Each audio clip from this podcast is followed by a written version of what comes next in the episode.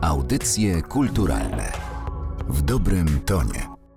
Przy mikrofonie Martyna Matwiejuk. Witam Państwa bardzo serdecznie w kolejnym odcinku Audycji Kulturalnych. Dziś moim i Państwa gościem jest publicysta i krytyk filmowy Łukasz Adamski. Dzień dobry. Dzięki za zaproszenie. Dzień dobry. 20 września rozpoczyna się 46. Festiwal Polskich Filmów Fabularnych w Gdyni. Wielkie święto filmu. Dziś w podcaście kilka słów o nastrojach przed festiwalem. Wiem, że jest Pan świeżo po seansie jednego z filmów konkursu głównego Najmro kocha, kradnie, szanuje w reżyserii Mateusza Rakowicza.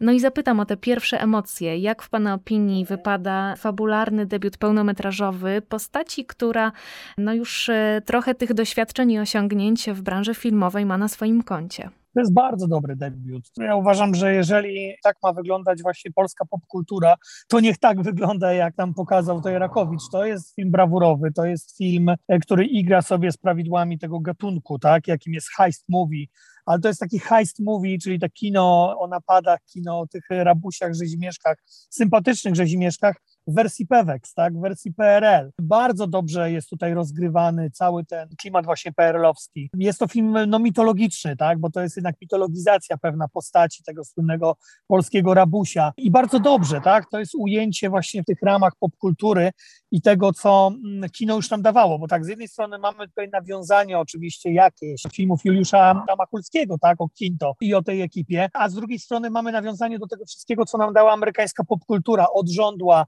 przez filmy o, o, o, tej grupie Ocean's Eleven, tak, czyli tych filmów z lat 50., ale później tego, co zrobił Steven Zodenberg. Ja jestem zachwycony tym filmem, zobaczymy, jak on sobie poradzi w Gdyni, bo ta Gdynia jednak jest przepełniona bardzo dobrymi tytułami. Części nie widziałem, więc nie mogę się oczywiście do nich jeszcze odnieść, no ale tam jest naprawdę konkurencja taka, jakiej nie widzieliśmy chyba w poprzednich latach. Ja również e, na ten film bardzo czekam. Widzowie mogli już e, zobaczyć spośród tych filmów, które zakwalifikowały się do konkursu głównego, między innymi Prime Time, e, również debiut w reżyserii Jakuba Piątka. Film, który odbił się całkiem szerokim echem, na pewno nie bez znaczenia tutaj dystrybucja Netflixowa, ale także główna rola Bartosza Bieleni rozsławionego po Bożym Ciele. No ale jednak e, ten obraz nie zdobył zbyt przychylnych opinii wśród widzów. No bo w przeciwieństwie do Najmro, który jest naprawdę świetną żonglerką gatunkową, zabawą gatunkiem, e, Prime Time nie jest taką zabawą gatunkiem. To inny rodzaj filmu, tak? No Najmro jest takim obrazem, który gdzieś balansuje na granicy autoparodii. I też chciałem podkreślić, to naprawdę znakomita rola Dawida Ogrodnika. On idealnie pasuje tutaj do tego rzezimieszka, tak, perlowskiego. Natomiast z Prime Time problem mój taki był, że to jest film, który też jest zawieszony trochę między amerykańskie filmy też o porwaniach, tak? Czyli też on wchodzi w ten gatunek, e, którym mocowali się najlepsi, począwszy od Sydneya Lumeta, tak, w jego pieskim popołudniu. I to jest też film, który proszę zauważyć, jakoś czerpie z tego retro klimatu, tyle że nie PRL-u, a lat 90. Najmro się kończy na początku lat 90. Ten film wchodzi w lata 90. To jest rok 99, czyli przełom wieków. Te oczekiwanie na rok 2000. Teraz Roman Polański zresztą zamierza robić taki właśnie film, też który się dzieje w Sylwestra 99 roku, który napisał wspólnie z Jerzym Skolimowskim. To też jest bardzo ciekawe, że moim zdaniem to jest zakończenie kariery Polańskiego i Skolimowskiego, którzy dali nam jednak nóż w wodzie, a teraz wracają tym filmem. I tutaj nie udało się w prime time coś, co było najważniejsze w tym filmie, to znaczy udało się oddać ten klimat końca lat 90. Aleksander Kwaśniewski w Białym Domu, chciałem powiedzieć, w Pałacu Prezydenckim, te pewnie przemiany, które były jeszcze świat analogowy jeszcze świat sprzed rewolucji mediów społecznościowych, sprzed rewolucji telefonów komórkowych, ale nie udało się w moim przekonaniu przyciągnąć ludzi do tego głównego wątku, czyli do tego porwania, tak? Ja uważam, że to jest film oparty na wyświechtanym schemacie, to nie jest film wcale aż tak dobrze zagrany i to jest film po prostu nieudany do końca, choć jest dużo bardzo dobrych elementów w tym filmie. Mhm. E, filmy biograficzne, filmy osadzone w niełatwej historii, komedie, kryminały czy dramat oparty na głośnym reportażu. Różnorodnie, jak zawsze zresztą, prezentuje się ten skład filmów konkursu głównego. Czy spośród e, tych tytułów e, któryś wzbudza Pana szczególne zainteresowanie jeszcze przed seansem? Na pewno wzbudza moje zainteresowanie, no tak jak chyba wszystkich, żeby nie było śladów, czyli film Matuszyńskiego o przemyku. I to jest też bardzo ciekawe, że wchodzą dwa filmy robione przez dwóch filmowców, których kariery no, rozbłysły w ostatnich kilku latach, czyli młodych filmowców Matuszyńskiego, który właśnie daje nam, żeby nie było śladów. No i Piotra Domalewskiego, jednego z moich ulubionych polskich reżyserów młodego pokolenia, który nakręcił Hyacynt, tak, czyli film o tym, jak komuniści prześladowali homoseksualistów w Polsce. Co jest o tyle ważne w moim przekonaniu, że po pierwsze, to jest film, który odsłania ciemną stronę PRL-u, taką, jakiej kino jeszcze nie pokazywało, a po drugie uderza w ludzi, którzy dzisiaj się przefarbowali na wielkich obrońców mniejszości seksualnych, ludzi, którzy funkcjonują na lewicy, a którzy mają korzenie w PRL-u, mają korzenie w systemie, który prześladował gejów pod okiem tych różnych siepaczy, tak jak Jaruzelski czy inni. I to jest bardzo dla mnie też ciekawe, bo Domalewski jest reżyserem takim od kina społecznego, to jest polski Ken Loach moim zdaniem, jego fantastyczna Cicha Noc, tak? jego bardzo dobry też film Jak najdalej stąd, dwa filmy związane zresztą z miejscem, z którego teraz tutaj rozmawiam z panią, czyli z Olsztyna, mojego mojego rodzinnego domu i tutaj właśnie Domalewski te filmy też kręci na Warmii i Mazurach no to teraz Domalewski jednak poszedł w inną stronę, dał nam filmy historyczne. Jestem bardzo ciekaw, jak sobie poradził z kinem kryminalnym i również historycznym. To jest też bardzo interesujące. I też bardzo czekam na film Wszystkie nasze strachy, tak? To jest Łukasza Rotundy film i co jest też istotne, Michał Leszczyk, no myślę, jeden z najwybitniejszych polskich krytyków filmowych, on jest współscenarzystą tego filmu. To też będzie bardzo ciekawa opowieść. To będzie opowieść o artyście, na faktach też oparta o artyście, który mieszka gdzieś na prowincji, który jest homoseksualistą, tworzącym na prowincji, jednocześnie z katolikiem, tak? Czyli to będzie film, który będzie dotykał tego rozdarcia pewnego, tak, duchowego, które też mnie bardzo interesuje. Wiele pisałem o kinie Abla Ferrary wczesnym, tak, czyli o tym właśnie takim rozdarciu między duchowością a grzechem, a przyziemnością. To jest też film, na który bardzo czekam, jestem jego bardzo ciekawy i też tam Dawid Ogrodnik gra jedną z głównych ról, albo główną rolę, więc to też będzie ciekawe. No on też zresztą się wciela w księdza Kaczkowskiego i też ten film jest na festiwalu w Gdyni, więc myślę, że tego Dawida Ogrodnika bardzo, bardzo dużo będzie w Gdyni w tym roku, więc będę miał dużo szans napisać recenzji o filmach właśnie z jego udziałem. Ja się doliczyłam, że spośród e, filmów, które zakwalifikowały się do konkursu głównego, cztery filmy na 16 obrazów zostały wyreżyserowane przez kobiety. Szybka matematyka 25%. Czy to dużo, czy mało w świecie, w branży filmowej, która jak wiemy jest e, bardzo zmaskulizowana? Dowiedzieliśmy się też jakoś wczoraj chyba, czy jakiś czas temu ta informacja się pojawiła, że do szkoły filmowej na reżyserię w tym roku do Łodzi przyjęto same kobiety. Mam nadzieję, że tutaj zadziała działało to, że one po prostu były lepsze od facetów, a nie jakiś rodzaj parytetu. Ja jednak uważam, że najważniejsze jest, żeby zwyciężał talent. Ja bardzo lubię filmy młodych polskich reżyserek i uważam, że to spojrzenie, które ma na przykład Agnieszka Smoczyńska, w tym roku jest w jury festiwalu w Gdyni, która dała nam i córki dancingu i fugę i teraz pracuje za granicą, to jest bardzo ożywcze spojrzenie, bardzo świeże spojrzenie. Ja czekam też na takie kobiece właśnie spojrzenie w polskim kinie, no bo ono jest inne niż spojrzenie tutaj reżyserów, no mężczyzn, ale znów znów, no nie chciałbym tego sprowadzać do kwestii parytetów.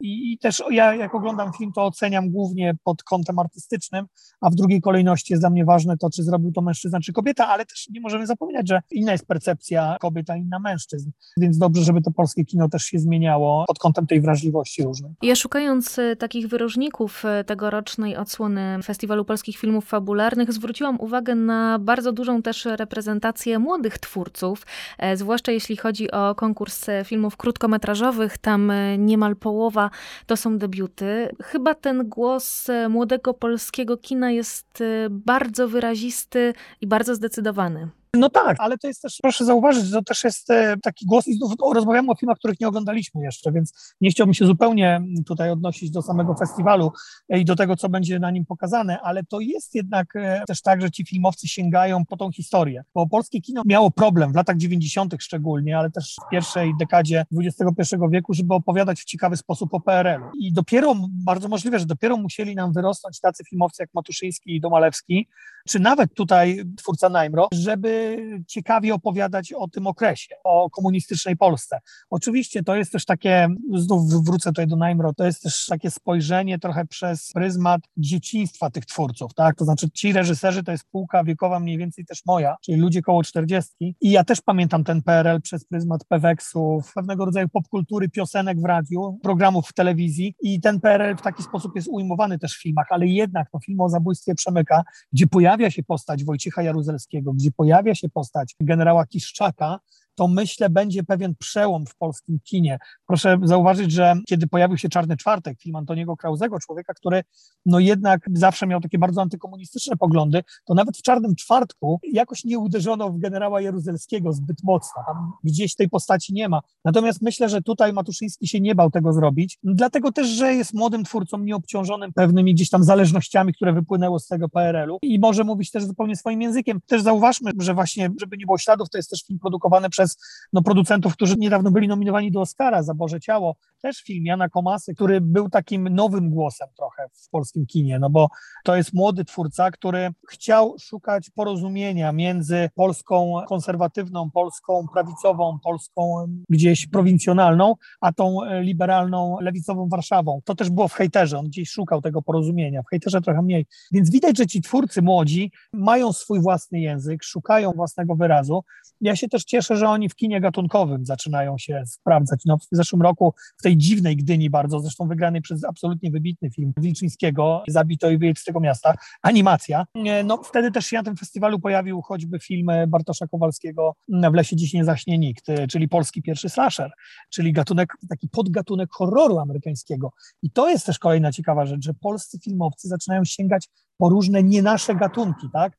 Po gatunki hollywoodzkie i przeszczepiać je na polski rynek i nie robią tego z kompleksami, nie robią tego dlatego, że chcą naśladować Hollywood. Oni to robią, bo sami się wychowali na tej popkulturze właśnie, tej popkulturze amerykańskiej. To jest coś, co jest najfajniejsze u tych, u tych młodych filmowców. Powiedział pan w tej dziwnej Gdyni zeszłorocznej. Ja chciałabym jeszcze nawiązać do poprzedniego roku, do 45. odsłony festiwalu, e, która była wyjątkowa z dwóch powodów. Po pierwsze, o czym pan wspomniał, po raz pierwszy w historii festiwalu główną nagrodę zdobył była animacja Mariusz Wilczyński za film e, Zabij to i wyjedź z tego miasta, ale po drugie była to wyjątkowa odsłona, ponieważ po raz pierwszy w bogatej historii tego wydarzenia spotkanie odbyło się w formule online. No pandemia dotyka nas wszystkich, wpływa również na funkcjonowanie branży filmowej, wpływa także na twórczość ludzi, którzy tworzą filmy i zastanawiam się, jakie są te pana refleksje dotyczące świata filmu w obliczu pandemii. Myślę, że najbardziej zyskały na pandemii nie tylko koncerny farmaceutyczne, tak, ale również zyskały na pandemii wielkie korporacje, które mają w rękach serwisy streamingowe. No. I to, że Amazon kupił za chyba 4 miliardy dolarów czy więcej MGM i ma prawa do e, takich tytułów jak James Bond, Rocky Balboa, Ojciec Chrzestny,